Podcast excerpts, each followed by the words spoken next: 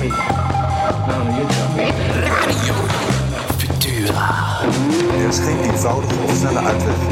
Maar deze zeer moeilijk is. How dare you? How, Our military has to be strengthened. how dare you? De theaterbeleving is op deze manier gewoon ongelooflijk moeilijk. Ongelooflijk. Alexander Lukashenko has been described as Europe's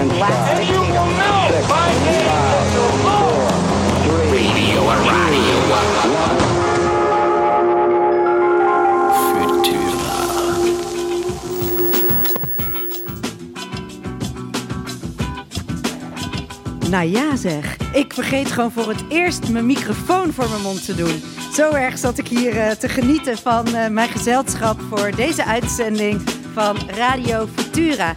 Mijn naam is Gian van Gunsven en afwisselend met Dionne Verwij presenteer ik dit programma over theater in onze veranderende wereld. Het is vandaag 7 oktober, het is herfst buiten en binnen vandaag staan wij stil bij onvertelde verhalen uit de stad.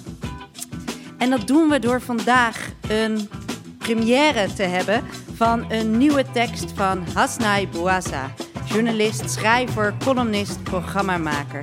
Samen met ex-bestuurder en tegenwoordig adviseur Fatima Elatik eh, voerden zij gesprekken met eh, Marokkaans-Nederlandse vrouwen die in de jaren 70 naar Nederland kwamen. En dat leidde afgelopen oktober tot de eerste monoloog. Vandaag horen wij een tweede monoloog die zij daarover schreef. En ehm, daar gaan we zo meteen naar luisteren. Deze wordt voorgelezen door actrice en presentatrice Esma Abouzara. En ehm, ja, ik ben gewoon alleen maar ontzettend verheugd. Ik zit op de, ik zit op de eerste rij. We gaan, eh, nadat we dit hebben gehoord, tussendoor zal ik wat eh, muziek eh, draaien, aangevraagd door deze drie fantastische vrouwen. En eh, daarna mag ik met hun napraten over wat we gehoord hebben. En kan jij ook, als je wil, bellen met ons of een berichtje sturen over wat je hiervan hebt gevonden op ons bekende nummer 06 48 68 02 87.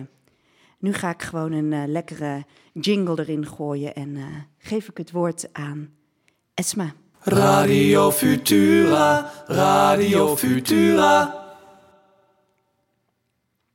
Hier sta ik dan. Kijkt u maar goed naar me. Ik ben die vrouw uit de televisiereportages.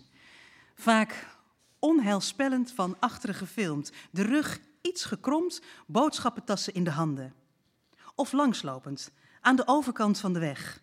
Altijd op afstand, alsof om de afstand tussen u en mij nog wat te vergroten. Ik ben de ander.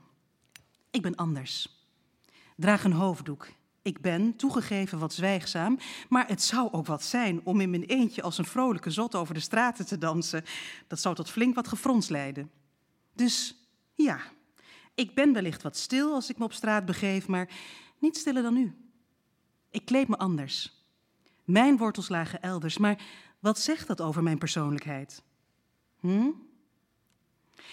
Ik begrijp dat het wat verwarrend is om zo snel al over persoonlijkheid te beginnen. Zeker wanneer je in de media als abstract fenomeen wordt afgeschilderd. Als integratieprobleem, als slachtoffer van vrouwenonderdrukking, terrorisme, islam, het criminele milieu. Alles behalve jezelf. Ik denk dat de redacties denken dat ik mijn persoonlijkheid maar lekker thuis moet vieren. Voor hen ben ik een symbool voor alles wat anders is. Vaag, vuig, naar. Wat ik daarvan vind, heeft nooit iemand me gevraagd.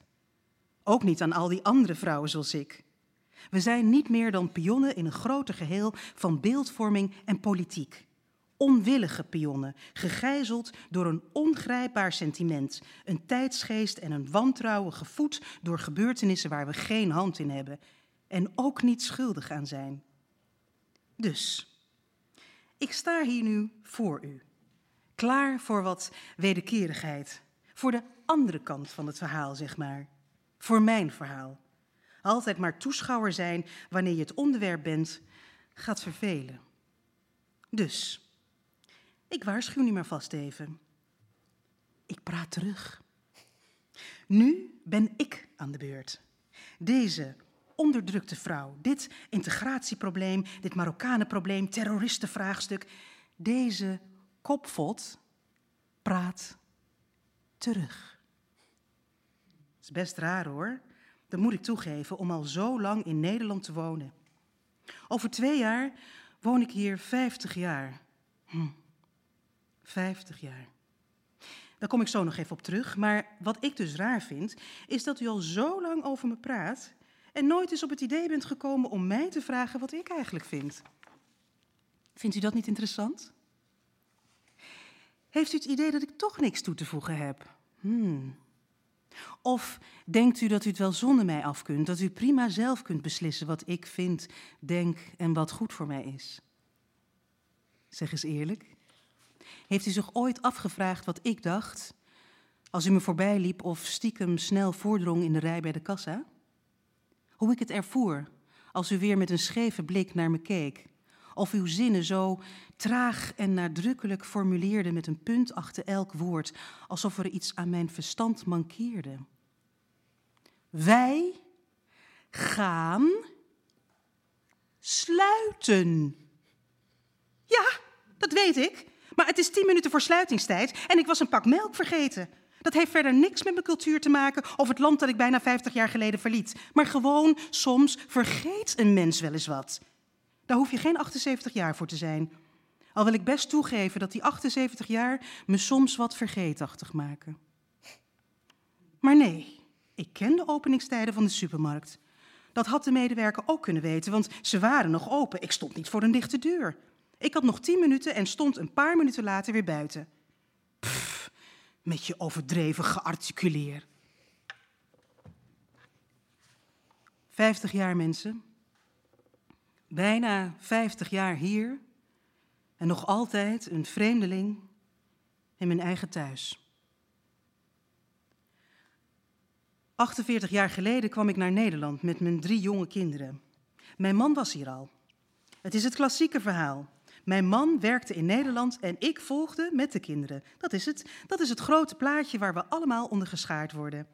Zonder oog te hebben voor ons persoonlijke geschiedenis en onderlinge verschillen. Zonder ooit eens stil te staan en dat plaatje te bevragen. Zoals die keer dat ik bij de huisarts was en hij me vroeg of mijn man me sloeg. Sorry? Slaat uw man u wel eens? Hij, hij, hij maakte een slaande beweging met zijn vlakke hand, zodat ik het zou begrijpen. Maar ik had geen problemen met de taal, wel met de vraag en de gedachte erachter en wat die betekende. Hoe komt u erbij? Mijn man is een schat. Slaan. Tss. Mijn Salim was de zachtheid zelf. In de 53 jaar van ons huwelijk hebben we ruzies gehad, oneenigheid, felle discussies, maar nooit, nooit was er zelfs maar de schijn van agressie. 54 jaar waren we samen. En ik mis hem intens. Hij overleed twee jaar geleden en het huis voelt leeg zonder hem. Groot, leeg en vaak ook eenzaam. Maar het voelt nog wel als thuis. Het is waar we ons gezin vormden, onze kinderen grootbrachten, waar we bezoek ontvangen en waar we gewend raakten aan ons leven hier. Ja, mijn Salim. We leerden elkaar kennen in Marokko, waar ik geboren ben. Het was in de tijd dat Frankrijk het voor het zeggen had. We waren een gezin van zeven kinderen. Vier meisjes en drie jongens. Ik was het derde kind.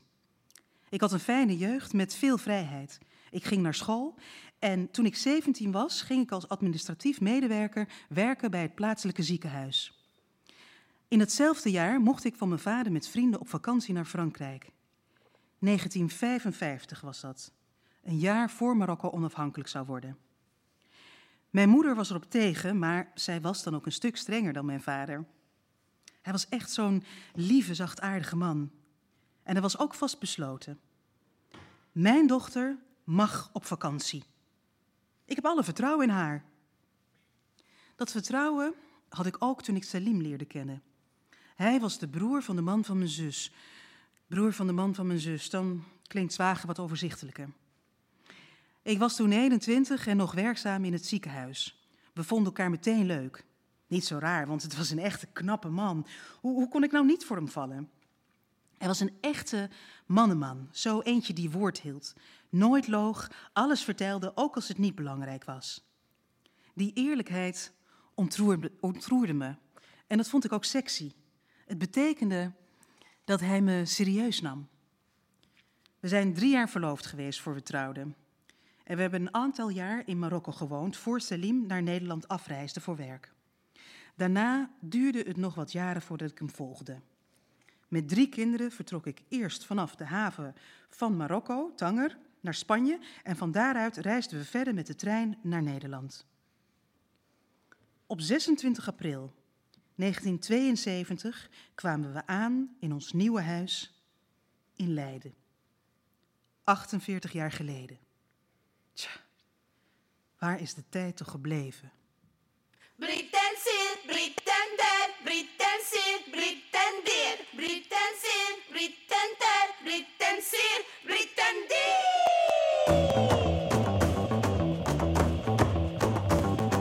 This is my first song in English. Wallah, wallah, je sais que je triche. My English is not so rich. This is my first song in English. I wanna turn like a dervish. Travel the world with my bakshish.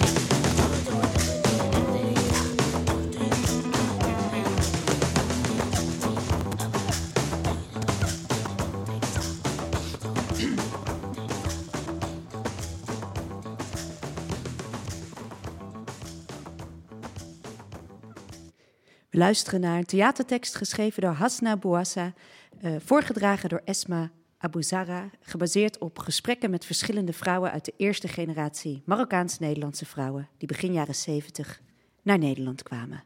Radio Futura, Radio Futura. Het begin was moeizaam. Allereerst was daar het probleem van de taal. Ik vond het Nederlands zo moeilijk. En dan had ik nog het voordeel dat ik Frans sprak. Daar kon ik een heel klein beetje mee uit de voeten als ik naar de dokter ging of naar de winkel. Maar de meeste Nederlanders spraken geen Frans, dus ik moest me meestal met handen en voeten redden. In 1972 waren er ook niet zo heel veel gastarbeiders.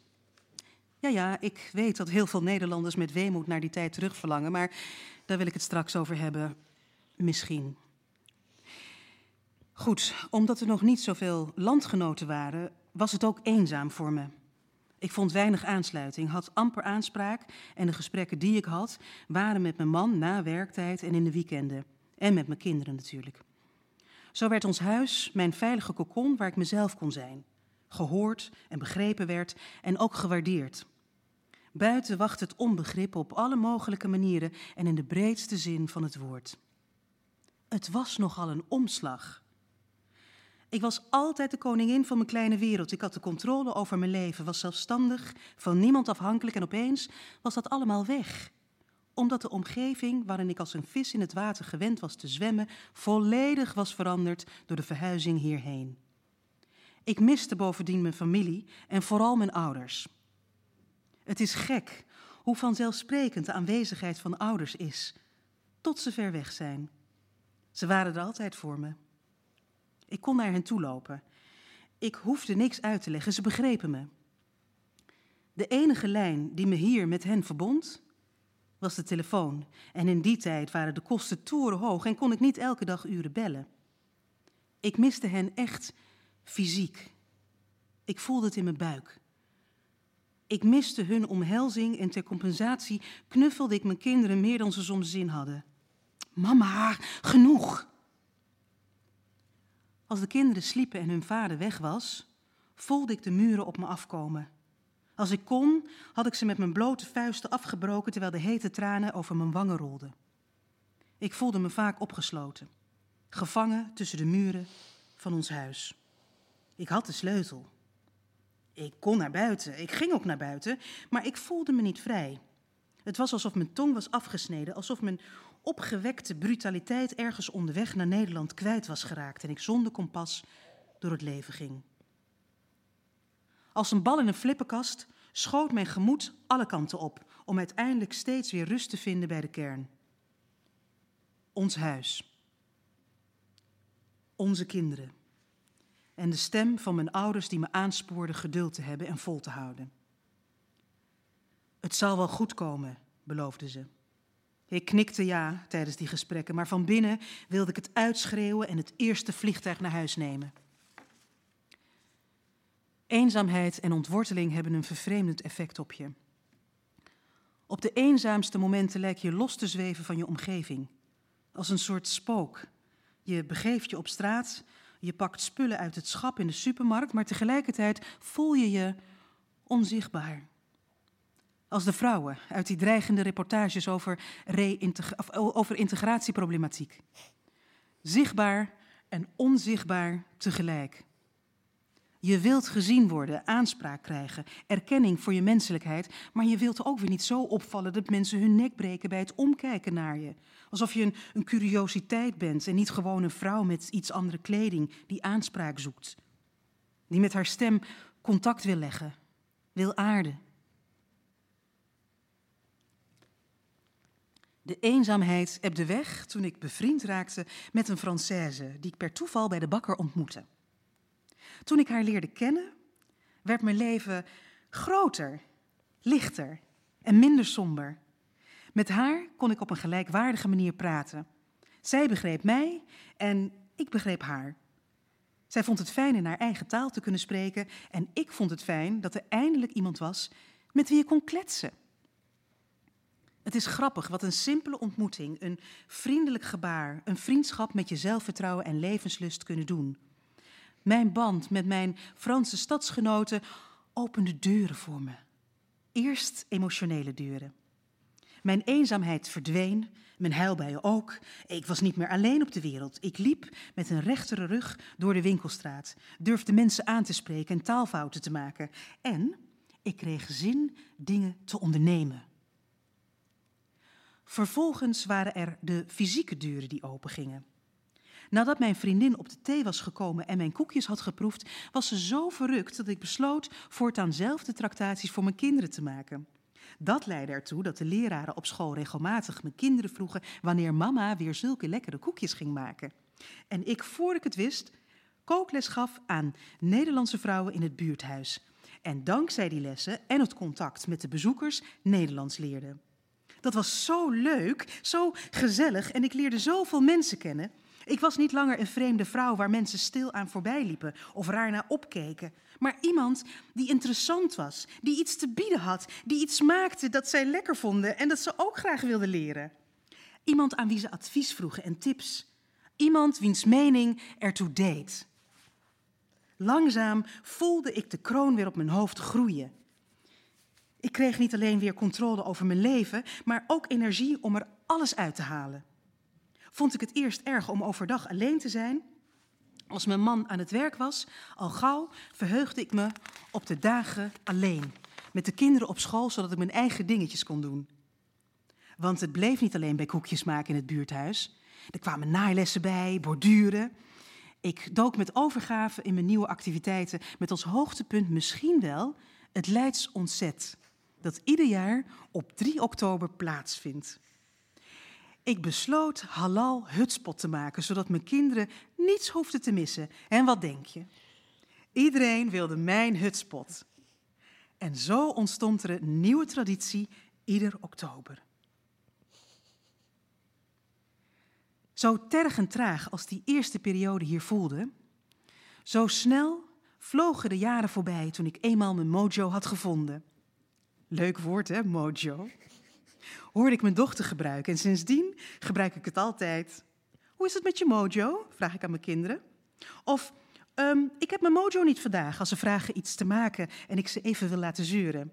Het werkt altijd. Ze moeten altijd lachen als ze hun oude moeder het woord mojo horen gebruiken.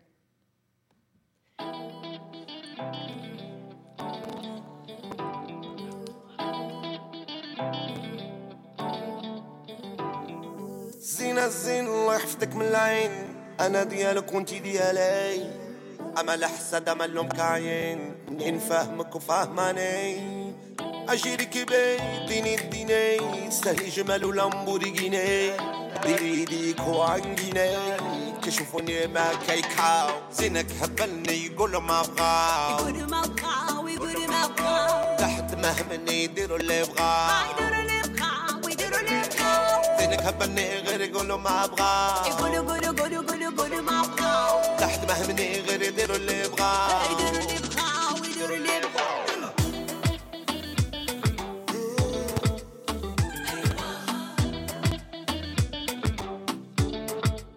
بغاو ما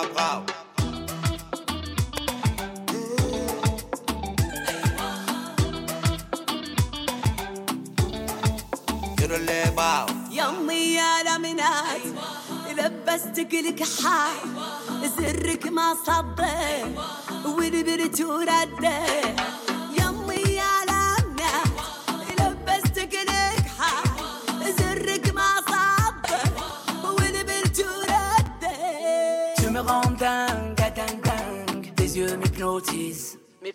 Je tue les jaloux bang, bang, bang, bang. Pour plus que t'écoutes ce qu'ils disent.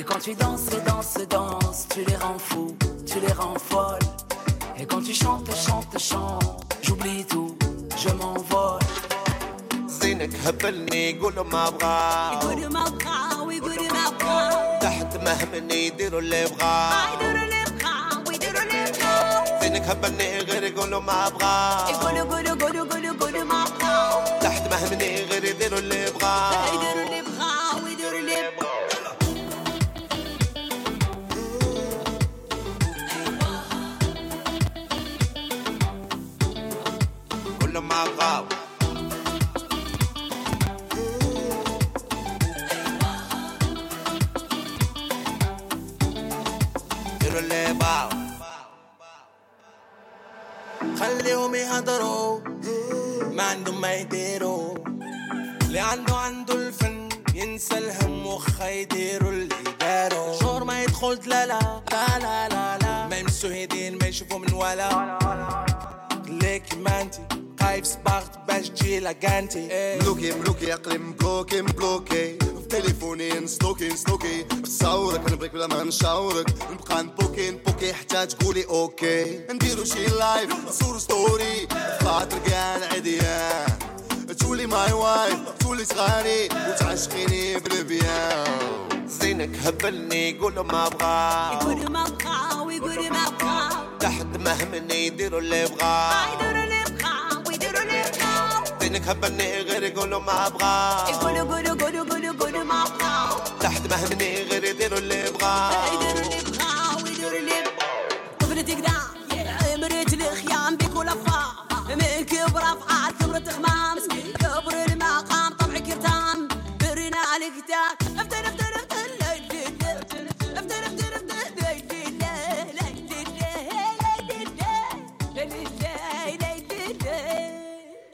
Yes, er wordt gedanst in de studio van Radio Futura. En eh, ondertussen, tussendoor, eh, luisteren we naar Esma Abuzara, die een tekst voordraagt van Hasnai Bouaza. Radio Futura, Radio Futura. Maar goed, de tijd vloog dus. Toen ik eenmaal mijn draai had gevonden. Maar voor mijn gevoel integreerde ik snel. Dat moest ook wel. Ik had geen andere keus en ik wilde ook niet meer anders toen ik eenmaal plezier had in de kooklessen en de bijeenkomsten in het buurthuis en het geklets met de nieuwe kennissen. Ik ging ook altijd naar de oude avonden op school.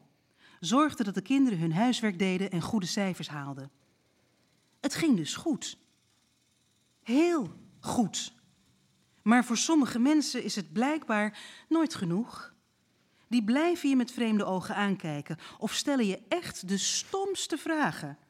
Ja, laten we het daar eens over hebben. Over die idiote vragen die je in de loop van je leven te verduren krijgt.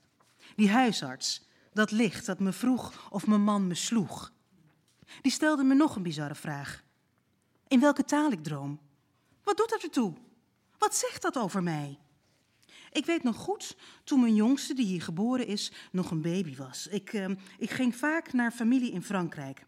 Daar kocht ik dan kleertjes van Petit Bateau voor haar.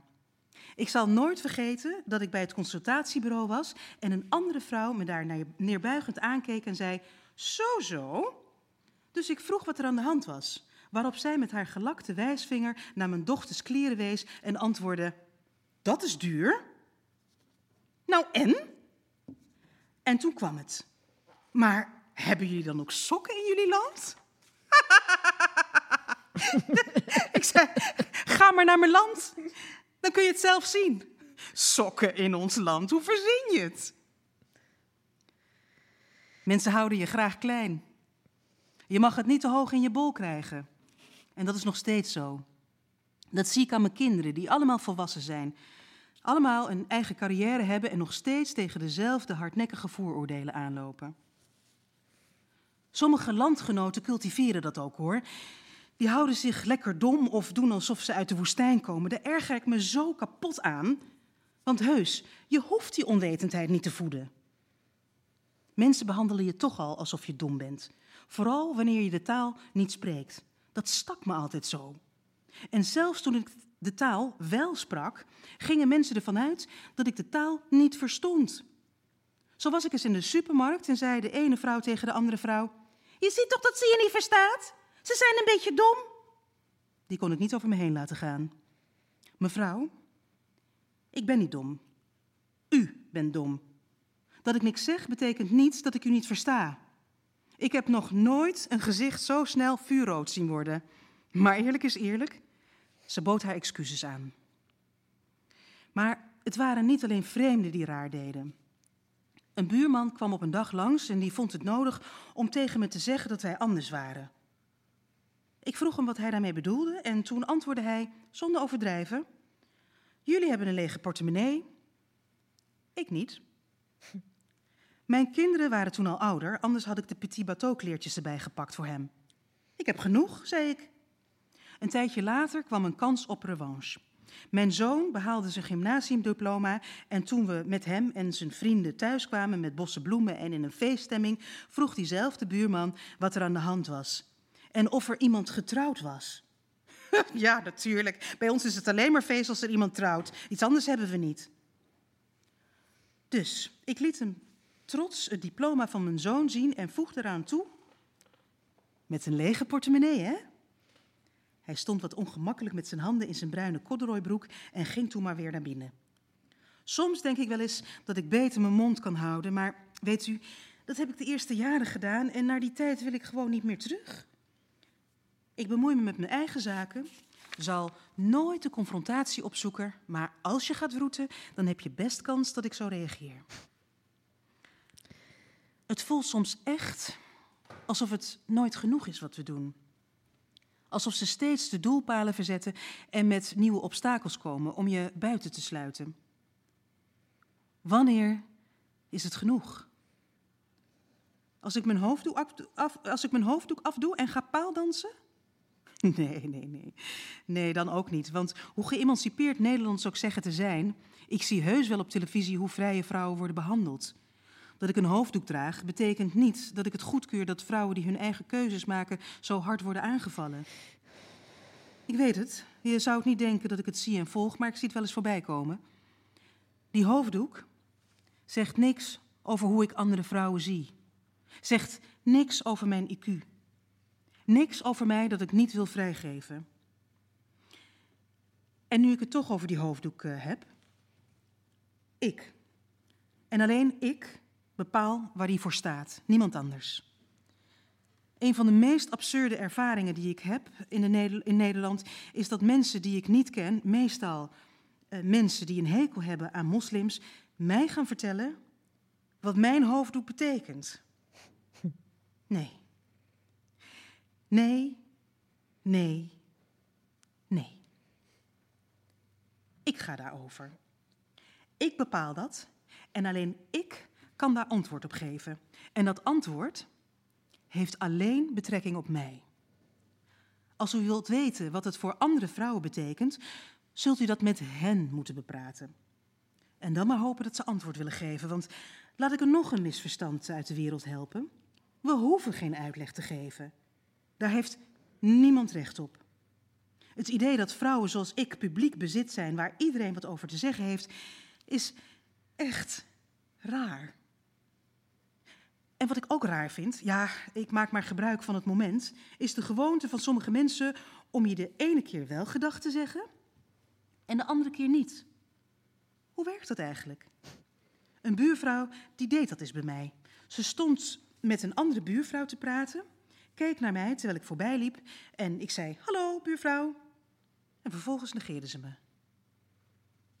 De keer daarop was ik het die haar groet niet beantwoordde. Ze vroeg me nadien waarom ik dat had gedaan. Nou, dat heb ik haar uitgelegd. En daarna heeft ze me nooit meer genegeerd.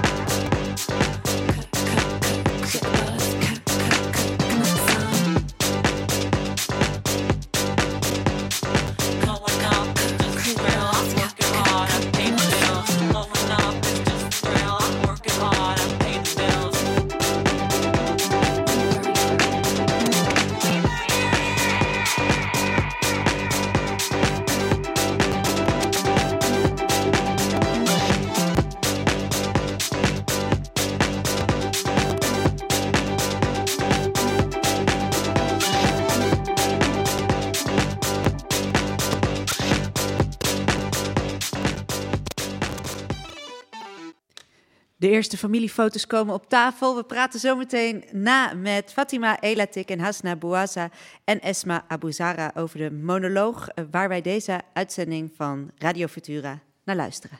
Radio Futura, Radio Futura.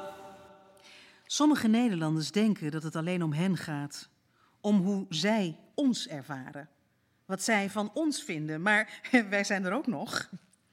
En dat zullen we heel soms laten weten ook. Zo was ik een keer met vriendinnen op stap.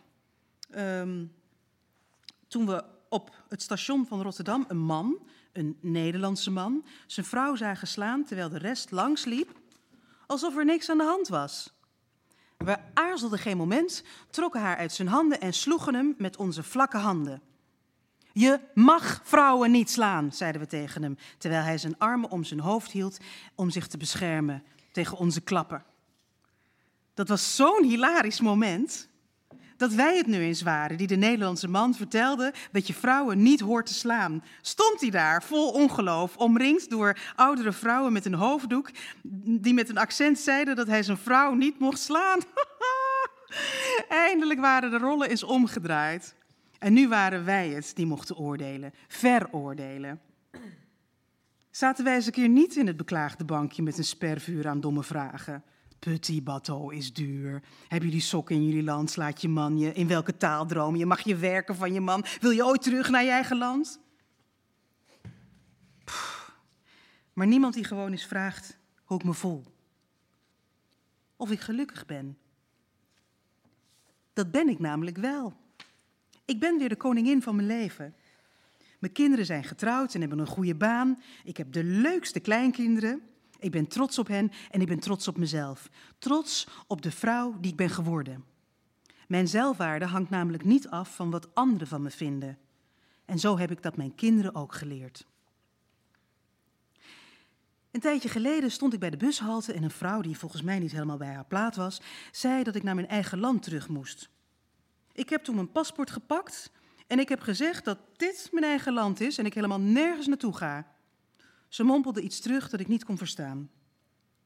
Mensen verwachten meestal dat ze ermee wegkomen en dat je niet zult reageren.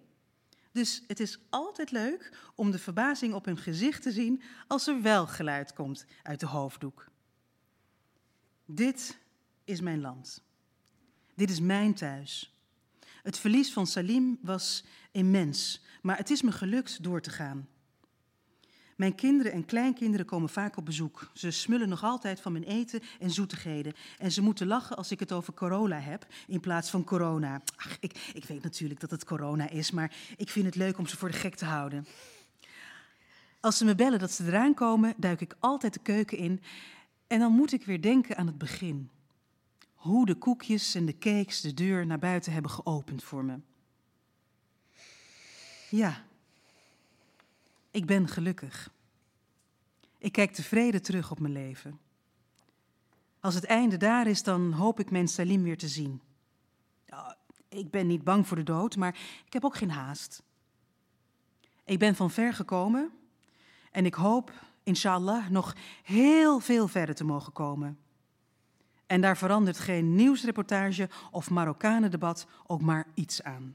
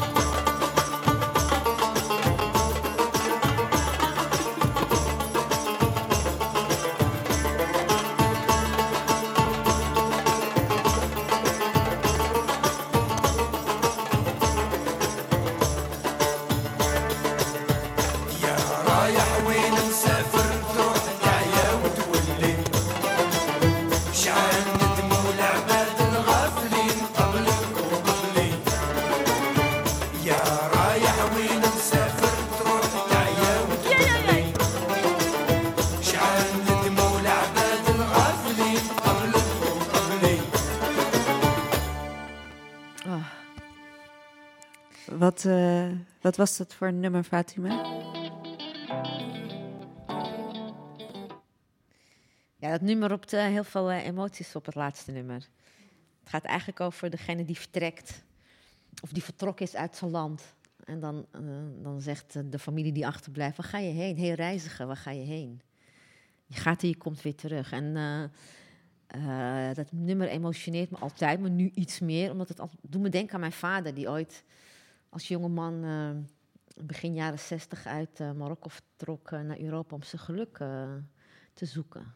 Toen geluk zoeken iets moois was, niet iets negatiefs zoals nu. En ja, mijn vader is twee jaar geleden overleden, dus dit doet me heel vaak aan hem denken. Want hij is uiteindelijk teruggegaan daar waar hij vandaan kwam, en daar is hij ook begraven. Dus het is een soort cirkel die dan afvond. Ja, en de ene keer emotioneert het me iets meer, en vanavond was het in combinatie met dit verhaal toch wel even, even slikken. Ja. Ja. In combinatie met het verhaal. We luisteren naar ehm, een monoloog voor het eerst eh, van Hasna Bouassa, ge- voorgelezen door Esma Abuzara. Dankjewel. Het was prachtig om hier op de eerste rij eh, te zitten in eh, dit gezelschap. Ehm, hoe voel je je? Ik voel me prima. Ja. Ja. Ja. Dat ook vragen na een voorstelling, hè? Het is een beetje als na een voetbalwedstrijd. Ja, hoe voel je je? wel, maar, ja. ja. Ehm, eh, nou, laten we dan eh, gewoon eh, beginnen bij waar dit, dit verhaal is ontstaan. Ehm Hasna, Mhm. hoe is deze monoloog tot stand gekomen? Kan je daar wat over vertellen? Ja, dat is al een tijd geleden. Ik denk anderhalf, twee jaar geleden. ehm, kwam Fatima bij mij bij, met het idee om met Frascati te gaan praten over... ehm, nou ja, om iets te doen met gesprekken, verhalen van onze moeders. Onvertelde verhalen. En ehm, ik, weet, ik weet nog dat ik op enig moment... er stond een afspraak en ik belde Fatima redelijk eh, in paniek op van... hé, hey, wat is hier eigenlijk de bedoeling van? En ik weet helemaal niet wat ik kan en wat we gaan doen. Fatima, nee, nee, komt goed. We gaan gewoon praten. Het komt allemaal goed. Eh, We gaan, eh, we, gaan, we gaan het doen. We gaan het moois doen. Nou ja, we zijn in gesprek gegaan en nou ja, we hebben dus gepraat over om, om verhalen, onvertelde verhalen, onbekende verhalen van vrouwen in de stad te delen. eh, omdat die heel vaak niet gehoord worden, niet gedeeld worden, eh, omdat er überhaupt, eh, nou ja, vanuit de media gezien er ook weinig interesse voor is. En ehm, nou ja, toen ben ik met Fatima zijn we met allerlei vrouwen gaan praten en hun verhalen opgehaald. En ehm, daaruit is vorig jaar een eerste monoloog uit voortgekomen. Dat was toen nog wel met publiek. goede oude tijd. Vroeger. Vroeger, ja, dat voelt nu heel erg lang geleden helaas. En, ehm, en daarna, nou ja, dat, dat, dat was goed bevallen. Het was ook een heel ander soort verhaal. En dat is ook het leuke eraan, de verschillen tussen de, de enorme verschillen tussen vrouwen en hun, en hun verschillende verhalen. En, ehm, en voor dit, eh, deze tweede monoloog eh, hebben we weer gesprekken gevoerd. En, en toen, nou ja, toen had ik al wel heel snel het idee van oké, nu gaat het, het, terugpraten gaat nu aan, aan, aan de orde komen. Uh, omdat het natuurlijk altijd over die vrouwen gaat.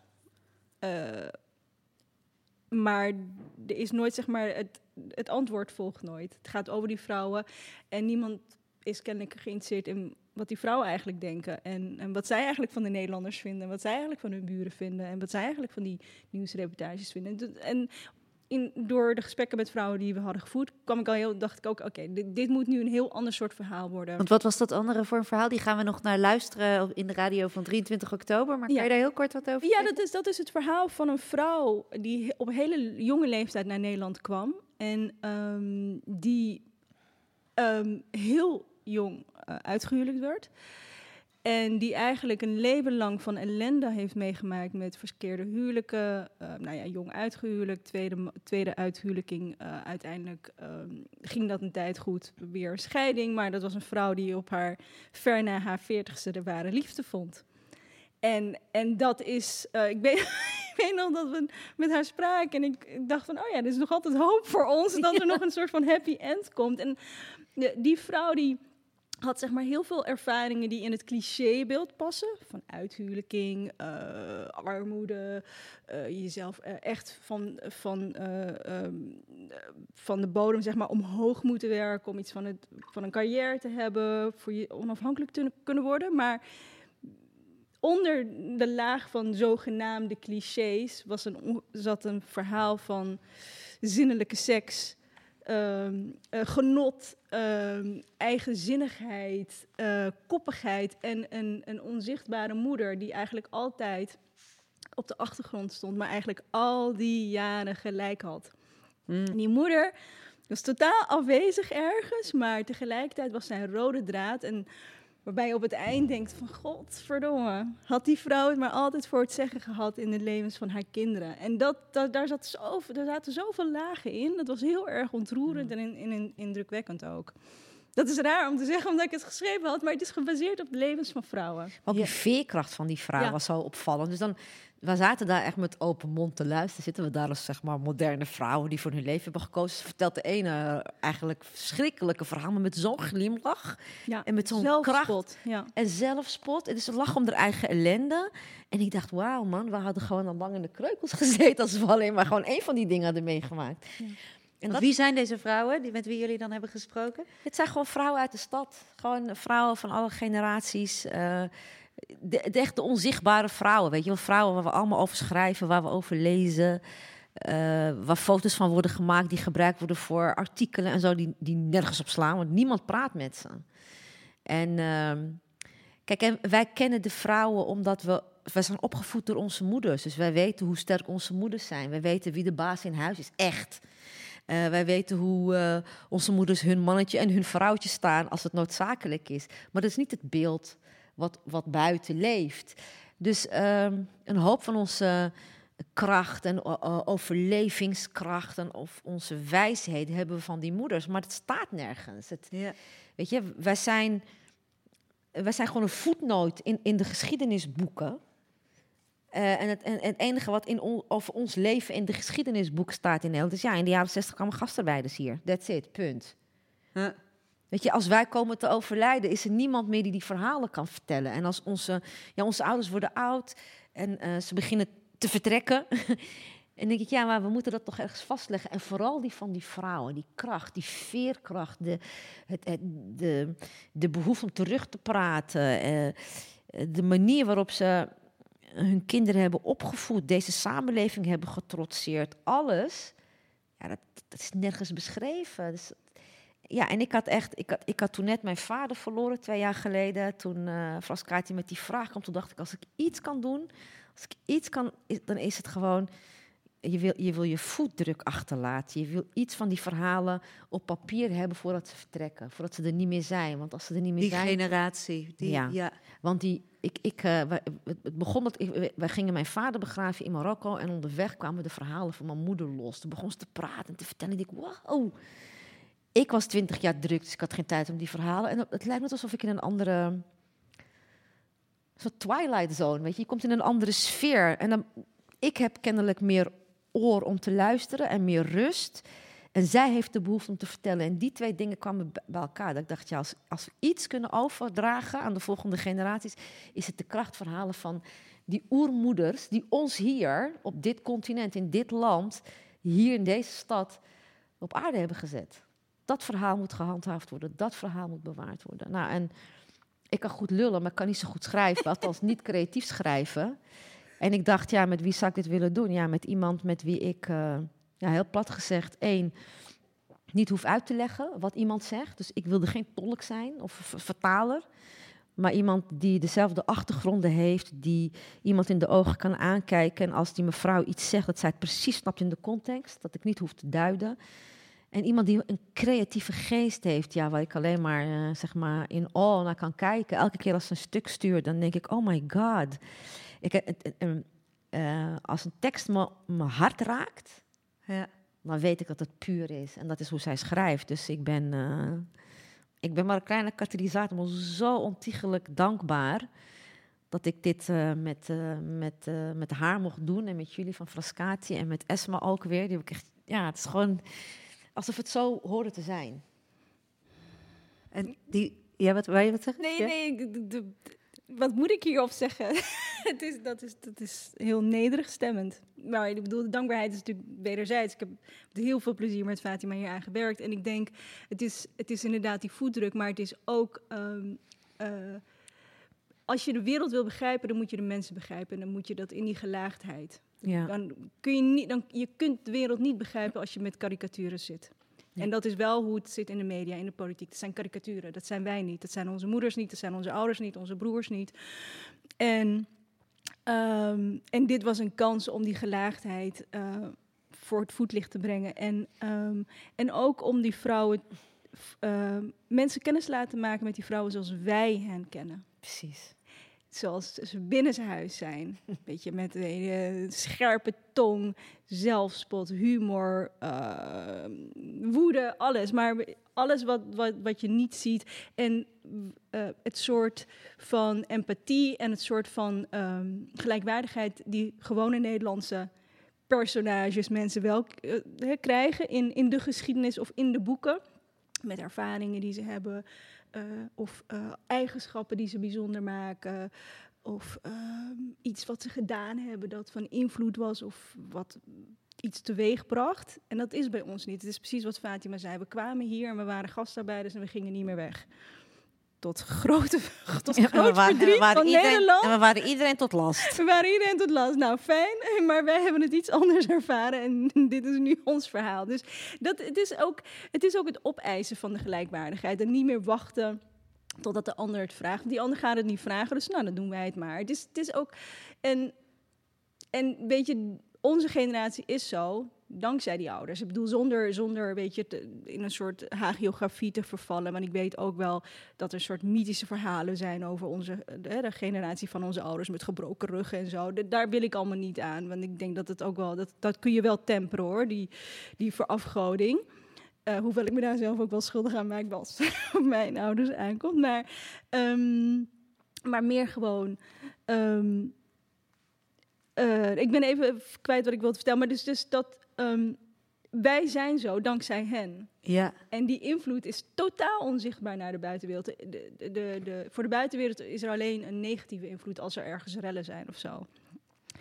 En daarmee doe je de wereld geen recht, daarmee doe je hen geen recht en daarmee doe je de realiteit geen recht, omdat je daar op die manier ook die realiteit niet kunt begrijpen. En je komt gewoon simpelweg niet verder als je de realiteit niet begrijpt en als je, als je mensen niet leest. Ja, en we wilden gewoon hun waarheid opschrijven. Dus hun waarheid, dus hun authentieke verhaal. Dus niet mijn interpretatie van hun Ja. verhaal, maar zij vertellen hun verhaal. En zij reflecteren en ze kijken terug op 50 jaar Nederland leven, eh, ons opvoeden, hoe lastig wij het ze hebben gemaakt, hoe leuk, hoe, weet je wat het met hen heeft gedaan. eh. nou, en dat, ik denk dat we echt allemaal gelukkig zijn als we naar onze eigen waarheid kunnen leven. En dan moet je, en dan moet je de kans hebben om het zelf te vertellen, zoals jij het hebt gezien. Zonder een p- punt, komma of een nuance of Leg het eens nog even uit. Nee, dit is het gewoon. En dan door iemand die het gewoon snapt. En dan, dan vloeit het en dan vloeit het. En een gesprek is. We plannen een anderhalf uur gesprek. Het is altijd twee, drie uur. Weet je, het liefst gaan ze gewoon door. Want wat, was hun, wat is hun reactie over het algemeen op jullie voorstel van eh, jullie gaan praten en wij gaan er theater van maken? Ja, leuk. Ik heb, ik, wij hebben echt alleen maar leuke reacties gehad. En die vrouw, die vonden het leuk, om, omdat het zijn natuurlijk voor hun, zijn wij de dochters van hun genera van, van hun, zeg maar, eh, hun dochters, zo zien ze ons dan. Dus ze vertellen ons ook makkelijk. En het is makkelijker, want ze snappen gewoon, als ze een woord zegt, dan snap ik het. En dan, ze, ze hoeft niet door, ze- ik hoef niet door te vragen, zij ook niet. En dan, ja, van het een het ander en ze voelen zich op hun gemak. En dan beginnen ze dingen te vertellen, jongen. Dat je denkt, wauw. Ja, zo, precies zoals we het in de huiskamers kenden. En dan zeggen we ook, weet je, we, we gooien alle verhalen door elkaar. Dus, niet, weet je, dus we gaan niet, het is al niet allemaal naar één persoon te herleiden. We maken er gewoon iets moois van. Maar het gaat om eh, wat jullie verhalen betekenen voor ons. Voor, voor de geschiedenis van ons hier in dit land. En zo verankeren we een beetje, hoop ik, onze plekje. Wil jij wat zeggen net? Nou, ehm, ik, ik, ik heb altijd het gevoel dat we ons plekje hebben. Ik, we hebben hem gewoon. Ja. En soms moet je dat even hardop uitspreken, maar ik heb mijn plek gewoon. Ik, en dat zo heb ik altijd hier, ehm, heb ik daar ook altijd ingestaan. Ik heb, eh, eh, ben geboren. Ik, ik eh, ben blijven leven en ik, ik, ja, ik heb geboorterecht. Dus dan, ben ik, dan, dan heb ik ook het recht om hier te zijn. En ik heb ook het gevoel dat, dat wij onze moeders ook in ons dragen. Dat die gewoon in ons zijn. Oh, zeker. Ja, Ja, ik kan niet meer doen alsof mijn moeder niet in mij is. Ik heb het vaak als puber niet eens gewild. Dat, me- dat, daar wilde ik er niks mee te maken hebben. Maar ik blijk gewoon ook diezelfde kracht te hebben. En ik zie dat ook bij mijn Ja. generatie. Ik zie het bij jou, ik zie het bij jou. Ehm, dat je ook de kracht van jullie moeders... Ik ken ze niet, maar ik weet dat jullie moeders in jullie zitten. Dus ehm, En, en dat is een troost. Ik Ja. ben mijn moeder helaas verloren. En dat is een van de dingen die mij troost, is het besef dat ze in mij is. En hoe ouder ik word... Hoe meer, hè? Ja, dat is heel erg... ehm, dat, is, dat, is, dat is zo opvallend. En het, op, de, op de meest onverwachte momenten zie ik haar of voel ik haar in mij... of zie ik haar in de spiegel. En ik heb, toen ze er nog was... ehm, vond ik haar de mooiste vrouw op aarde. En ik, toen, ze, toen ze opeens weg was, hoopte ik dat ik weet je, net zo goed zou kunnen zijn als zij. Maar ik heb, ik heb een herenhuis vol lijken. zij was zo... Zij, zij was helemaal zuiver. Ik ben een en al fouten. En, maar, dus bedoel, het idee dat ik net zo zou zijn, kunnen zijn als zij, dat, dat, dat zal niet lukken. Maar ik vind het waanzinnig om soms op het meest onverwachte moment opeens haar te zien. Ja. Als ik in de spiegel kijk, of als ik zie. koriander aan het snijden ben, of als ik moet lachen en opeens hoor ik haar lachen en ik vond dat zij de gulste lach had die er was en opeens, hè, zo lach ik helemaal niet. Dus het is, je verandert ook en het, doet- het is alsof ze steeds meer bezit van me neemt. Dat is de grootste zegen die ik me kan voorstellen. En ken je dit verhaal van haar, laat ik maar zeggen, dit verhaal wat je nu, de vragen die je nu aan de andere vrouwen hebt gesteld, heb je ze- die aan haar ook gesteld? Eh, ja, we, verhaal we ken je, praten heel veel. Ik bedoel, er zitten ook dingen van haar in deze, in deze monoloog.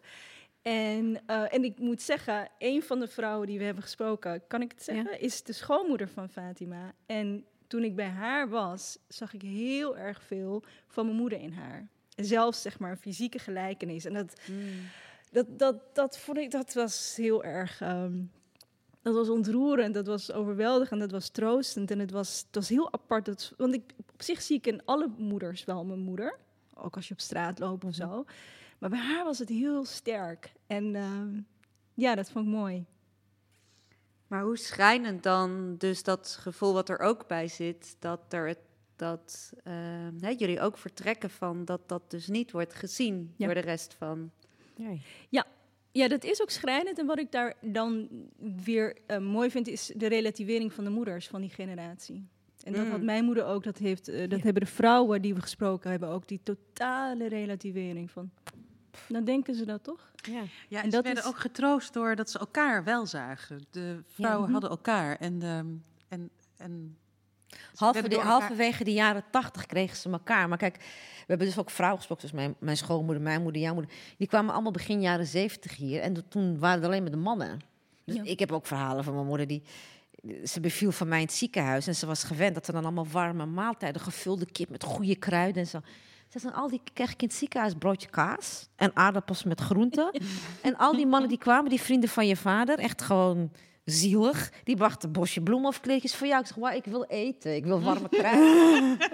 en jarenlang heeft ze daarna, als ze hoorde dat er een vrouw was bevallen die geen familie had, ging ze gewoon, moest ik dus als klein meisje mee naar het ziekenhuis, OVG, om warm eten te brengen. Ik kwam gewoon de kraamzaal binnen. Ja, we kennen je niet, jij kent ons niet, maar we horen dat je bevallen bent. Alsjeblieft, en dat je alleen bent. Dus maar halverwege de jaren, eind jaren 70, met jaren 80 begon de groep uit te dijen. En toen hadden ze meer aanspraak. Maar die, die begingroep, die pioniers, Ja. Die alleen maar met de mannen hier waren, zo, dat was pittig hoor. Die eenzaamheid en zo. En toch, ja, dan praat je nu met ze en dan zegt ze, ach, weet je, kijk, ze, en ze zijn zo dankbaar. Zo dankbaar. Wij kunnen ons nog druk maken over van alles. Ik denk, ja, kind, maak je niet zo druk. Kijk, Dus zij is. maken zich minder druk over dat hun verhaal, dus eigenlijk een ongehoord verhaal, of dat zij zo worden afgeschilderd door de media, wat ook in de monoloog nu zit, maken zij zich eigenlijk minder druk om dan dat jullie dat doen. Nee, zij maken zich er wel druk om, maar het is niet de essentie van hun leven. Begrijp, het is niet de center. Eh, hun verhaal gaat over eh, de kracht die zij ervaren. Kijk, zij worden nu ouder, 70-plussers, 80-plussers, en ze reflecteren terug. Dus ze draaien de film nog een keer af. En dan komen de mooie momenten, de minder mooie momenten. Ja. Maar die kracht waarmee ze altijd hebben overleefd, is de relativering. Zo van, ja, oké, dit is het. De acceptatie. En hebben we het goed gedaan met jullie? Dat is voor hun het belangrijkste. Weet je, Ja. hebben we jullie alles meegegeven wat jullie nodig hebben? Ja, en wat, wat ook is, eh het kracht, dat is wel echt iets van onze generatie en een jongere generatie. Ze vrouw, powervrouw en dat, dat Ja. soort onzin. Weet je, Ja. vrouwen die zichzelf op de borst kloppen. En dat is iets wat zij absoluut niet Nee. doen gewoon. Nee. Weet je, wat zij doen, dat is vanzelfsprekend. Dat is een soort instinctief leven, eh, niet zeuren, doorgaan. Ook al ben je nog zo ziek. eh, dus het is, het is, het is een, een andere manier eh, van in het leven staan. En het- dat, dat, dat is ook wel logisch, omdat de wereld natuurlijk an- verandert. En de manier waarop mensen in het leven staan. eh, Weet je, de, de, de Instagram-generatie is, is niet te vergelijken met onze generatie in de jaren tachtig. Dus dat is allemaal wel logisch. Eh, maar ik vind die vanzelfsprekendheid van hen, dat nou, hè, poetsen niet lullen. En geen zelfmedelijden? Nee, geen zelfmedelijden. Nee, dat, dat, dat, dat is. En, om, en dat wordt niet, dat, daar wordt niet over gesproken, dat wordt niet benoemd, dat is er gewoon. En als je ze erop zou wijzen, dan zouden ze denken van... Zeg heel zegt Ja, weet je, dat is, allemaal, Nou, dat is, en? geen, dat is geen onderwerp of zo. Dat is, het, is, het is vrij van, van narcisme, vrij van, eh, van een, zo'n enorm ego. Dat, dat vind ik ook altijd heel erg ehm, verfrissend. Dat je, er is een heel groot verschil tussen mensen die eh, zichzelf als centrum van de wereld bezien. en van daaruit dus ook altijd vertrekken, ook in de gesprekken die ze hebben. En vrouwen of mensen überhaupt, die hun plek relativeren. Dan heb je gewoon een ander soort gesprekken, dan heb je een ander soort leven, dan heb je ook een ander soort, ehm, eh, dan ervaar je de wereld ook op een andere manier. En, en eh, dan, dan, dan kun je dus inderdaad je schouders ophalen over, eh, over de media en zo, terwijl wij dan weet je gaan krijsen. Wij worden een bal gaan gaan voeren en polemiek opzoeken, weet je, met vuisten op tafel. En Er zie je Ja. een heel duidelijk verschil Ja. tussen, tussen jullie Ja. generatie. Ja. Ja, heel erg. Ja. Vooral die relativering. Hmm. Die heb jullie niet meer. Als ik, als ik dan weer eens druk, toen ik nog in de politiek zat, het druk maakte over iets, kwam ik bij mijn moeder en zei, da, da, da, da, da, met mijn vader discussie en dan keek ze me aan en zegt ze, oef, jij, had het, jij tilt het leven ook echt aan de zwaarste kant. Je kan ook gewoon kiezen om aan de lichte kant. En, mama, je begrijpt het niet. Oh, wacht maar als je ouder wordt. Nu ben ik eh, twintig jaar verder, zeg je, maar je hebt zo gelijk. Je hebt zo gelijk. Het leven is opeens zo mooier als je het aan de lichte kant optilt. En dat is ook echt het enige ehm, prettige aan ouder worden. Ik vind ouder worden verschrikkelijk. Ik vind het ook heel confronterend. En zeg maar, ik word met de dag ouder, lijkt het wel. Ik heb heel lang het idee ge- gehad van nee, heel lang was ik, voelde ik me 26, nou, heel lang voelde ik me 33 en nu kan ik dat niet meer volhouden. En, en het is zeg maar, het is in één klap is het binnengekomen. En het enige wat ik minder erg vind, of wat ik wel prettig vind, is inderdaad het relativeren. En dan denken, wow, weet je, what the fuck, gewoon. En dat, dat komt ook wel steeds meer. En ook het gewo- en in, in het verlengde daarvan, het ook gewoon alles zeggen en niet meer een beetje bezig zijn of het nog Of iemand het leuk vindt om te horen of niet. Ja. En of het gevolg heeft. Weet je, ja, wat maakt het uit? En dat zie je bij, die, bij- bij de moeders ook, zeg maar, naarmate ze ouder worden, dat ze ook gewoon geen blad meer voor de mond nemen. Ook Ja, thuis heerlijk. niet meer. Heerlijk. Ook gewoon dingen waar je vroeger niet zo makkelijk over sprak, gewoon zeggen. Ah, en, maar ook gewoon als ze geen zin hebben om met je te praten of te, ja, het is te druk nu. Even, weet je, vind ik zo fijn. En, en dat maakt het ook, weet je, dat is eh, ehm, mensen die naar hun eigen waarheid leven. Ik vind het prachtig, het mooiste wat er is. Nou, en dat mogen wij dus doen als wij met al die vrouwen praten. Herken je jouw moeder er ook in? Nee. Nee? Nee, niet helemaal. Nee. ehm, Die is ook in de jaren. Is, is die ook in de jaren zeventig? eh, eind jaren 70, dus bijna 80 jaar. Ja. Ehm, nou ja, wel de kracht misschien. De, en en, en de, de, de, eh, ja, de kracht wel. Maar ik denk, mijn moeder was wat teruggetrokkener meer. Die was eh, wat meer naar binnen gericht en eh, is, is nog steeds eigenlijk. En ehm, is heel erg op zichzelf. Ja. Ja. Oh, maar dat had mijn moeder, ook, hoor. Mijn moeder was, mijn moeder was een eindselganger wat dat betreft. Ik bedoel, we woonden in een dorp waar geen andere Marokkanen waren. Maar binnenshuis... was Wele, Ja, nee, ik bedoel, er was echt een, binnen, een moeder binnenshuis met Ja. haar karakter. En dan was eentje als ik met haar bij de dokter was of zo. Ja. Dan zei ik van, nou, doe, doe dan. Zeg, weet, je, weet je. Weet je, je was, je was toch thuis zo stoer? En, dan, en heel verlegen, hè? Dan was het was echt in paniek van stil, weet je wel. Want dan was ik er een beetje aan het prikkelen, aan het testen... dat ze dan ook buitenshuis gewoon lekker, weet je, de mond open Ja, ja. Maar dat, dat, nee, dat is... Dat herken ik ook wel. Dat herken ik. Nou ja, mijn moeder die was. ehm, eh, wat, wat, wat, wat het belangrijkste is wat ik van mijn moeder heb geleerd, is dat zij. ehm, zij kwam hier natuurlijk als, of niet natuurlijk, zij, ja, nou ja, zij kwam hier als analfabete vrouw. En heeft daar, is daar best wel gefrustreerd over geweest. Want zij was eh, ehm, de enige dochter met drie broers. En zij heeft gewoon besloten op een dag, eh, want ik, eh, ik ging ook ehm, ja, leren lezen en schrijven. En toen zei ze van, ik wil gewoon alles wat jij leert, wil ik dat je mij ook leert. Dus toen, toen moest ik dus, ik weet het nog heel goed dat ik eh, het alfabet eh, net had geleerd eigenlijk. En toen moest ik, had mijn moeder een schriftje gekocht. En toen moest ik op elke bladzijde moest ik dan een letter zetten. En toen ging zij het dus gewoon ook eh bladzijdes lang, ging zij dus al die letters opschrijven. En ze heeft eigenlijk samen met mij, heeft zij Nederlands geleerd. Dus op het moment dat ik dus ook eh aapnoot mies ging leren, deed zij dat ook. En ehm, nou, dat vind ik toch wel een kracht waar ik nu uit put. Ik heb bijvoorbeeld eh, eh, afgelopen kerst heb ik mijn eh, zwemdiploma, A-diploma gehaald. Nou, dat is toch echt wat ik, iets wat ik van mijn moeder heb, heb meegekregen. Dat ik denk van ja, het maakt niet uit of je heel oud bent of niet. En, ehm, en daarna kwam het Arabisch. Daarna heeft mijn moeder bedacht van ik ga, eh, als ik dat Nederlands kan leren, dan kan ik zeker het Arabisch leren. Dus dat heeft ze ook nog gedaan.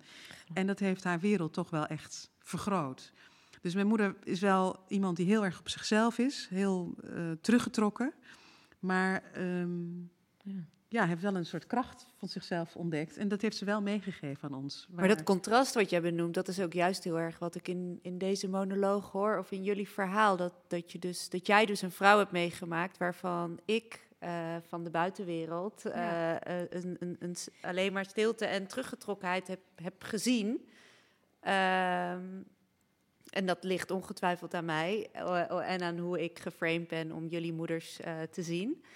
Eh, maar dat is eh, toch, dat gaat over hoe de wereld jullie moeders heeft laten zien. Ja, want en ik door met die bril naar jullie moeders heb kunnen kijken en de verhalen die ik nu van jullie mag horen over hoe zij thuis, hoe ze zijn eigenlijk. Ja, ja maar ik, ja, het, is, het is volgens mij ook moeilijk om het hele plaatje te zien. Want eh, het, in de tijd dat mijn moeder analfabeet was, dan was het zo dat ze naar de winkel ging. En dan was een, een pak, groen pak, was, was eh, yoghurt. Ja. en, Ja. Een, en een rood pak was eh, karnemelk. En blauw was ehm, melk. Lichtblauw was halfvol. Dus, en dat is wat mensen zien. En eh, die zien een vrouw aan een pak schudden. Of denken van, wat zit daar nou in? Ehm, maar tegelijkertijd was ze keihard bezig om te leren... te lezen wat, wat er op die pakken stond. Maar ze, ze hadden ook allemaal overlevingsstrategieën. Daar Ja. hadden we het net over. Ja. De markten in Amsterdam, zoals wij ze kennen, de Dappermarkt, de Albert Kuip, die heten bij ons niet zo. Dat, die heten eh, Markt 3, dat is van tram 3. Dat is de Dappermarkt, weet je. En de Albert Kuip heet Markt 16 van tram 16. Want zo zeiden ze tegen elkaar waar ze moesten zijn. Dus ze hadden allemaal over... Vooral de vrouwen die niet konden lezen of schrijven. En als ze afsp- afspraken... of een afspraak hadden met elkaar om elkaar echt te treffen... dan zei hij bij dat blauwe gebouw. Nou, dan moet je dus hopen dat het blauwe gebouw nooit geschilderd wordt in een andere kleur. Ja, dus ze hadden gewoon... Kunnen wij ons niet bij, niks bij voorstellen, omdat wij altijd in een geletterde wereld, weet je, wij kunnen lezen en zo vanaf dat, maar dat hebben zij dus niet. Dus ze hebben allerlei manieren waarop ze met elkaar dus ehm, eh, informatie uitwisselen, dingen die ze herkenbaar vinden. Mijn moeder die kende ook alle le- logo's van Ja. alles. Ja, ja, ja. Mijn moeder ook. Dat- ja, precies. Dus ehm, En ja. op die manier konden ze de folders lezen, de Ja. namenfolders. Ja. Ze. Ja. Maar ook van bedrijven, als ze bijvoorbeeld enveloppen kregen. Ja, ja, ja, van dan wisten van, van, van wie dat was. Of, eh, Op een gegeven moment ging mijn moeder dus ook een Nederlandse les. En toen zag ze dan de brieven, kon ze die brieven die binnenkomen. Oh, dat is van je broer. Dat is alle voorletters. Moest ze gewoon weten van wie de brieven waren. ja. En voor hun was dat gewoon wauw, weet je wel. Maar ja, dat, dat, dat lijkt iets heel simpels, maar het, het vraagt wel iets van je om van helemaal niet te kunnen lezen, de moed te vatten om dan ehm, ja, te gaan leren, lezen en schrijven. Maar ook wat het met ze doet als ze dat dan opeens kunnen, weet Ja. je wel. Dat, dat kunnen lezen van dingen gewoon en het gewoon snappen. Maar kunnen jullie je boos maken omdat ehm, eh, dat zij dus in de media geen stem krijgen? Of Ik kan me niet zo boos mee maken. Ik, ik, doe het, dit, dit, ik wilde dit niet ook doen omdat ik iets te bewijzen heb aan de media of wat dan ook. Nee, ik wilde gewoon die verhalen vastleggen voor ons. als ik het over mijn plekje, gaat het niet over mijn plekje. Want ja, ik ben hier geboren en getogen. Kom mij maar vertellen dat ik je niet hoor. Maar in de geschiedenisboeken. Dus als ze straks... Ik heb geen kinderen. Ehm, eh, laat ik zo zeggen, ik heb geen levend kind. dat moet ik wel goed zeggen. Ehm, maar ik zou het heel fijn vinden als, eh, weet ik veel, over 50 jaar, als iemand een, iets wil horen over hoe wie was die gemeenschap nou, was, dat die die verhalen van onze moeders kunnen lezen en misschien ook die van onze vaders en eh, misschien straks ook die van ons, dat er iemand komt die onze verhalen opschrijft. Omdat ik vind dat hoort, dan hoor je ook, bij dan word je een onderdeel van de cultuur en de geschiedenis van een land. Dus als we over 100 jaar een nieuwe kanon maken voor Amsterdam, dat dat, dit zijn de verhalen. En dat vind ik heel belangrijk, omdat ja, met alle respect, wij zijn in deze stad geen minderheid meer, mensen zoals wij. M- maar dat wil ik ook ergens terugzien. En niet voor mezelf, maar wel voor het nageslacht. en jij Jasna, heb je meer dat je het ook... eh, dat je ook boosheid of verontwaardiging kan voelen waarom dit eigenlijk nu nog... eh 45 jaar nadat ze hier zijn gekomen, nog een soort onverteld, hier binnen de programmalijn onvertelde stad Ja. ongehoorde verhalen moet zitten? of- Ehm, nou, nou, nee, zeg maar in dit specifieke Fieke, geval. nee, nee, maar in niet. het algemeen Maar dan, het is, dat het, het is is. natuurlijk wel een godsbe dat eh, je je menselijkheid moet bewijzen. Dat je je plek moet opeisen. En dat is, een, dat is, dat is wel een gevecht dat nog steeds Ja. voortduurt. De, de erkenning van wie je bent en, en of je erbij hoort en of je erbij mag horen. Dat is een, bedoel, dat, dat, is, dat is een strijd die eigenlijk alleen maar heviger wordt. Met ehm, eh, eh, populisten, rechtsextremisten in de Kamer en de politiek. En, eh, overwegend witte media, witte redacties... die eigenlijk heel erg lang ehm, eh, hun gang konden gaan zonder tegengeluid. Ik bedoel, internet en sociale media hebben natuurlijk voor een, een versterkt tegengeluid gezorgd. Ehm, eh, diversiteit wordt heel erg met de mond beleden, maar wordt in de praktijk, daar wordt, daar wordt echt actief tegengewerkt. Want je, wordt alleen eh, toegelaten tot, de tot de kring, tot een redactie of tot een krant of een televisieredactie als je binnen het hokje past. En dat is geen diversiteit. Diversiteit is niet alleen maar iemand hebben met een ander kleurtje die precies doet wat je wilt of die precies het soort verhalen op, ophaalt die je wilt. Diversiteit is ook op een andere manier kijken. ehm, eh, naar de wereld, eh, andere verhalen ophalen en aan, aan verhalen ook op een andere manier eh, vormgeven of uiting eraan geven.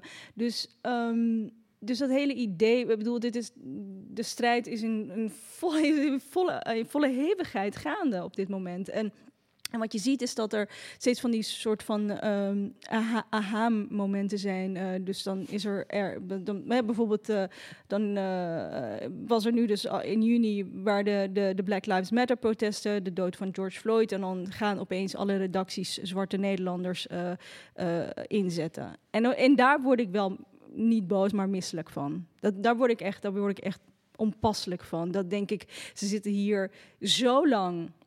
En je hebt serieus waar de dood van een zwarte Amerikaan nodig en de daaropvolgende protesten om wakker te worden en je te realiseren dat je daar echt gruwelijk in tekort bent geschoten.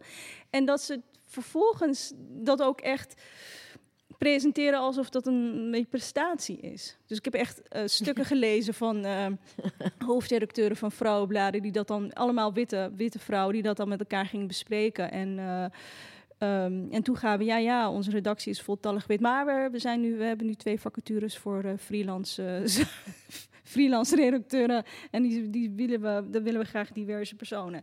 Het, is, het, is, het wordt zo verkeerd aangevlogen. En Nederland is wat dat betreft best wel hardnekkig. Als je kijkt naar onze omringende landen, dan zie je dat diversiteit uh, heel veel natuurlijker is. Bijvoorbeeld in, Frankrijk, waarin. Um, uh, Afrikaanse personages gewoon als Fransen voor Fransen doorgaan in films en zo. En in gewoon goede films. Ik bedoel, je hebt niet die segregatie die je heel erg hebt.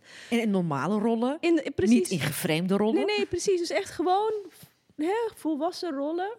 Of dat, dat, dat pas ergens gaandeweg in de film duidelijk wordt dat een personage bijvoorbeeld Algerijnse roots heeft, terwijl je dat al die tijd niet door had. Hmm. Um, en hier wordt er altijd een soort circus van gemaakt. En hier wordt het nog heel erg binnen het, binnen het potje diversiteit. Ik, ik, hoop niet dat wij binnen het potje diversiteit horen. Dat zou ik heel verdrietig vinden. Maar dat, uh, dat is... Uh, jongens, uh, nee. nee Oké, okay, Hasna, aangenaam kennis te hebben gemaakt. Dankjewel voor nee, die monoloog. Is... Our country is in serious trouble. nee, maar dus, ja. dus ik vind wel de manier waarop er met diversiteit wordt omgegaan en met andere verhalen, dat is nog steeds heel erg moeizaam. En, um, en dit is wel voor ons een, een, moment, dus weet je, om, te, om, om zelf het podium ja. inderdaad te grijpen en, te, en het op onze manier te doen. Um, maar we zijn, ja, er, er, is nog heel veel ruimte voor verbetering. Heb je vertrouwen daarin? Uh, nee.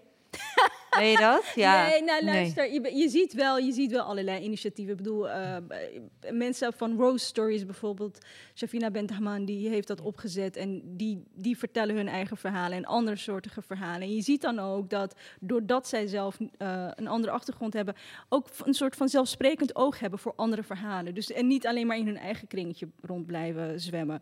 En, maar als ik kijk naar de reguliere media en mijn ervaring ermee, dan denk ik dat we nog wel een lange weg te, te gaan hebben. We hebben nog een hele lange weg Ja. te gaan. Want Ja. ik heb ehm, meerdere keren in eh, Marokkaanse verhalen mogen spelen. Maar die worden dan Hm. gemaakt door ehm, Marokkanen. Ja. Maar ik zou ook gewoon een rol willen in een Nederlandse film. eh, waar het er niet heel erg toe doet dat ik Marokkaans ben. Ja. Maar dat, ik wel, dat het gewoon heel normaal is dat ik een rol mag spelen daarin. Ja. Als ik nu een rol mag spelen, dan is het eh, omdat het inderdaad eh, moet, hè, de, de Mhm. diversiteit.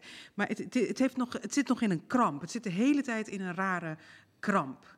Ehm, eh, of of het, wordt een, het is een platgeslagen rol waarin, ehm, ehm, waarin ik de moeder ben van een eh, hele, eh, heel ingewikkeld eh, kind. En die, die, die, die, die rol is ook niet echt rond. Het is, het is gewoon een platgeslagen rol. Je, die vrouw wordt niet uitgediept. Geen angsten, geen verlangens. Geen, het is alleen maar, ze is Marokkaanse moeder en that's it. En dat mis ik ook in, die, in, in, in film. Of ja, in film mis ik dat heel erg. Dat die vrouwen ook een stem krijgen. Ehm, eh, ja, dat, dat we weten. Opnieuw, dus ook weer de vrouwen Ja. van, van jullie generatie Ja, eigenlijk. ja, die vrouwen krijgen eigenlijk geen stem. Het is, de Ook rol niet. is gewoon. Ik heb wel eens. Ik heb wel eens ehm, hè, dan, dan, dan, dan, dan had ik niet eens een naam. Bijvoorbeeld, dan had mijn, naam, mijn rol had niet eens een naam, maar dat was de Marokkaanse vrouw. En dat was het. En, ehm, en zo plat als dat het daar stond, zo was het ook. Hè. Die, Ja. die, die, die vrouw had ook verder niks dan alleen maar Marokkaanse vrouw zijn. En dat mis ik wel echt. Dat ik denk van, ik vind het prima om een Marokkaanse vrouw te spelen in iets. Maar ehm, mag ik dan ook ehm, die, vrouw echt ook laten de zien. vrouw hè? zijn Want, en ja, dit wat zijn haar verlangens, ja. wat zijn haar angsten, wat Ja. zijn haar, wat, wat, wat, wat wil ze, wat, wie is ze? Dus eigenlijk wordt nog steeds niet die vraag gesteld. die Nee, ook nu in die nee. monoloog zit. Van, Ja, en, en dat is echt, dat is Nee, toch, dat is toch niet. eigenlijk gewoon heel erg een grof schandaal. Want, maar dat is, en dat is, dat, dat realiseer je niet, maar dat is Ja. dus wel hoe we gezien worden. We worden gezien als soort karikaturen of een soort, soort mal. Een mal waarbij je dan, binnen je dan maar past. Dat is dus Marokkaanse vrouw. Dat is gewoon totaal anoniem, amorf. Dus het, het is gewoon plat. En, maar dat, dat, dat verzinnen ze niet voor een Nederlands wit personage. Maar als je ze daarop zou aanspreken, dan gaan ze, dan gaan ze in een kramp. Ja, maar ik ben geen racist. Terwijl het hele woord racisme is nog niet eens gevallen. Ik- Dat heb ik ook wel eens gehad, een discussie. En dat een redacteur opeens tegen me zei, ja, ik ben geen racist. Eh, zover was ik nog niet. Oh, tenzij my. je mijn gedachten kan lezen. Maar, maar dus het is, er is een kramp en er is geen je kan daar niet een onbevangen gesprek over eh, voeren, omdat weet je, meteen er wordt stelling genomen, mensen worden beledigd, gaan in de verdediging. Maar eigenlijk het enige wat je wil, is dat je gewoon op gelijkwaardige manier. Ja. Wat, wat is er nodig dan? Wat is er nodig dan als je dat zou... Ja, Nou, ik, ben, ik heb een keer een gesprek gehad met een eh, castingdirector over dit onderwerp. En die zei tegen mij: Ja, filmmakers, het is, ik heb het nu over, ik denk een jaar of acht, negen geleden. En toen zei, toen zei ze: Weet je wat het is? Filmmakers zijn er gewoon eigenlijk nog niet aan toe. Om jou neer te zetten als een volledige vrouw. Weet je wanneer ze naartoe zijn? Als wij onze eigen films gaan maken. Ja, maar dat vind ik en ook. de concurrentie dan opstaat, dan gaan ze best denken, oh fuck, hoe kun je dit? Nou, maar Weet je wat ik mensen... ding, Fatima, ik je- weet het, ik, ik, ik ben daar ook helemaal niet voor. Ik bedoel, maar ik gun mensen gewoon zelfbetrapping. Weet je, het mooiste wat je kan meemaken is dat je jezelf betrapt op je eigen vooroordelen, op je eigen gebrek aan kennis. Maar dat ik is woon niet eens, 47 Fatima. jaar in dit land en 47 jaar word ik geconfronteerd met. Eh, word ik ongemakkelijk gemaakt, want ik moet bewijzen en ik moet laten zien en ik moet, weet je, ik moet, ik moet, ik moet. En als je het nou eens keert en je vraagt het aan de ander, van ja, maar wat moet jij dan een keer? Dus de afgelopen maanden, wat ik zo bijzonder vond, en ik kijk, bekijk het een beetje van afstand van alle discussies, al het ongemak. De witte man is opeens ongemakkelijk en ik ben een racist en ik ben helemaal geen racist. En ik denk dan fucking boehoe. Fucking boehoe. Sterker, de witte man. Jankert. eh, de, de witte Voel man, jij ongemakkelijk? Welcome to my Welcome fucking life. Ik voel me al 47 jaar ongemakkelijk, want ik moet jouw stupide vraag steeds beantwoorden. Nu, voel je, nu vraagt iemand aan jou, hey vriend, je praat over mij, je beschrijft mijn leven, je kent mijn leven niet. Stop met het beschrijven van mijn leven, ik beschrijf mijn eigen leven. Kijk, en dat, die, weet je, dat, die confrontatie, en daarom vond ik het ook, die BLM-movement was geweldig. Die duizenden, tienduizenden mensen op de Dam en op het Mandela Park en overal in het land.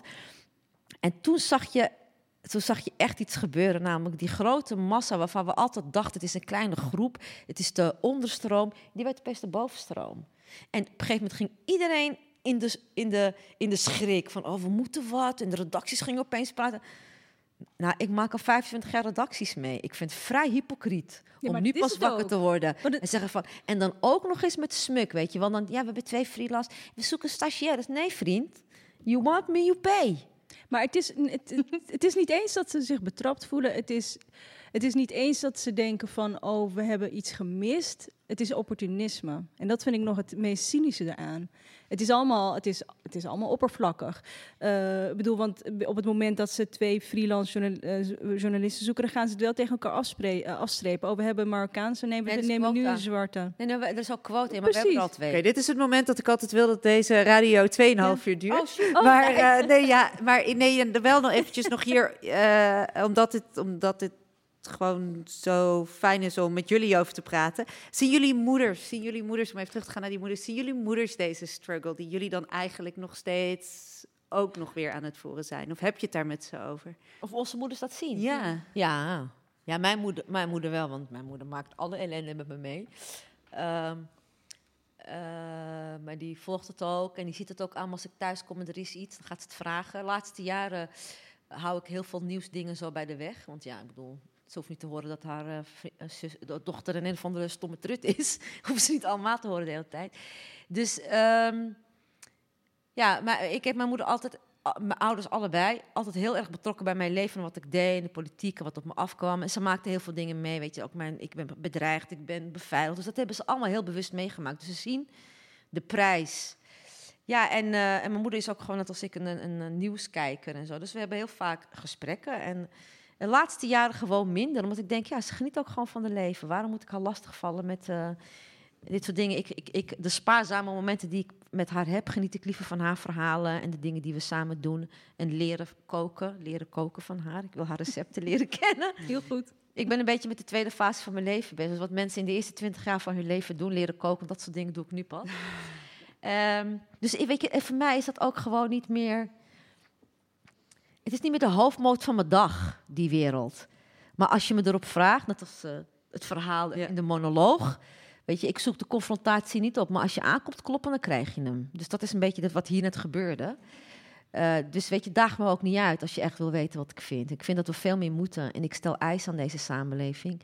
Ik stel eisen aan onze instituties. Ik stel eisen aan de media. Ik stel eisen aan de politiek. Ik stel eisen aan de culturele wereld. Ik ben een afnemer. En als je mij wil blijven houden als afnemer, dan you better man up. Dan moet je echt met kwaliteit komen waar ik me in herken. En doe je dat niet, ja, dan gaat mijn geld ergens anders naartoe. Zo simpel is het. Dat is heel heldere woorden. Of ik het met mijn moeder daarover heb, over onze struggle. Of zij het ziet, laat ik maar zeggen. Of zij, wat voor haar, wat haar gevoel. Of zij hebben dat, die, dat meege- meegemaakt, maken dat mee dat ze een soort eh, keir- keihard ehm, eh, hebben gewerkt. En toch een soort onzichtbaar zijn in het grote plaatje of zo. En ze zien dan vervolgens dat hun dochters eh, eigenlijk dat nog steeds datzelfde aan het. Ja, zo ervaart mijn moeder dat denk ik niet. Ik, ben, ik, ik denk dat ik, dat ik veel minder onzichtbaar ben dan, dan zij. Ja. Ehm, ja, en zo ziet zij dat ook. Zij, wij zijn echt wel zichtbaar in haar ogen. En eh, ik denk dat ze daar wel trots op is. En de struggle, ja, die, daar hebben, we hebben het er niet heel erg over. Nee, dat, dat leven we gewoon of we leven het niet. Maar wij, eh, eh, nee, we hebben het over andere dingen. Ja, het speelt niet. Nee, het speelt niet. Het speelt niet. En waarom zouden we ook daar onze tijd aan verliezen? Dat, eh, dat, dat- nee. Dat doen we hier. Ja, dat, doen we Ik, hier. ik, ik had het daar wel eens wel over met mijn moeder hoor. Het is, ik bedoel, eh, dat kan ook bijna denk ik niet anders als je zichtbaar bent. En, en bedoel, dus dat, dat ik bedoel, ik denk, ik geloof niet dat ik ooit verteld heb over bedreiging en zo, want dan zou ze echt heel erg eh, ongerust zijn geworden. Maar eh, wel over nou ja, de, de tegenslagen of hoe dat, de dynamiek, ehm, hoe dat gaat in, in relatie tot opdrachtgevers of werkgevers. En, eh, en dat was eigenlijk alleen heel, altijd heel erg troostend. En dat is wel wat ik de afgelopen jaren mis, is gewoon haar troost. Ik bedoel, want eh, bij haar was alles goed. Ja. Dus wel hoe, die, hoe eng de bui, hoe naar de buitenwereld altijd was als ik de deur bij haar opendeed en die deur weer dicht en bij haar op de bank veilig. plaats nam. Ja, precies. Waar alle demonen weg en was er haar rust. Da daar regeerde zij. Dat is, en dat mis ik. Dus daar, dat kan ik nergens anders vinden. Dus nu moet ik het zelf, zelf zien te rooien. Maar ehm, nee, ze zag het en, ehm, en het raakte haar ook. Ja. En, en ergens, is onzichtbaarheid was ook fijn. Hè? Onzichtbaar zijn is ook heel erg fijn. Het is ook bevrijdend. Het is niet alleen maar negatief. Dus zeg maar, dat is ook wat in, in de monoloog staat. Ik bedoel, enerzijds wil je onzichtbaar zijn, maar Ja. tegelijkertijd wil je ook gewoon erkenning voor je. Je wilt niet een soort rare freak zijn op straat, maar gewoon. je- Of een frame. Ja. ja, precies.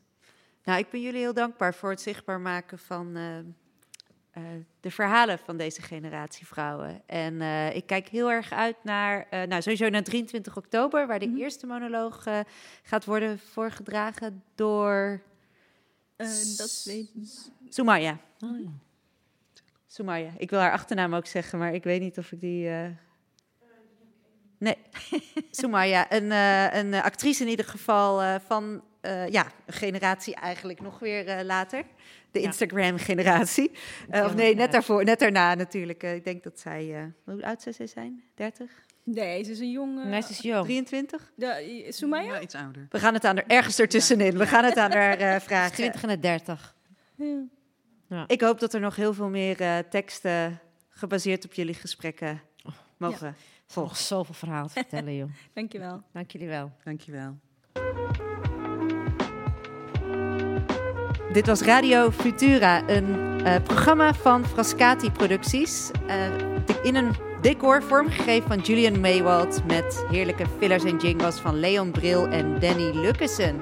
Afwisselend gepresenteerd door mij, Gian van Gunsven. En overmorgen door Dionne Verwij.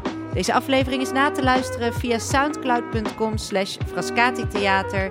En elke woensdag tot en met vrijdag ook live te bezoeken tussen 7 en half 9 in de Nes. Fijn dat je luisterde.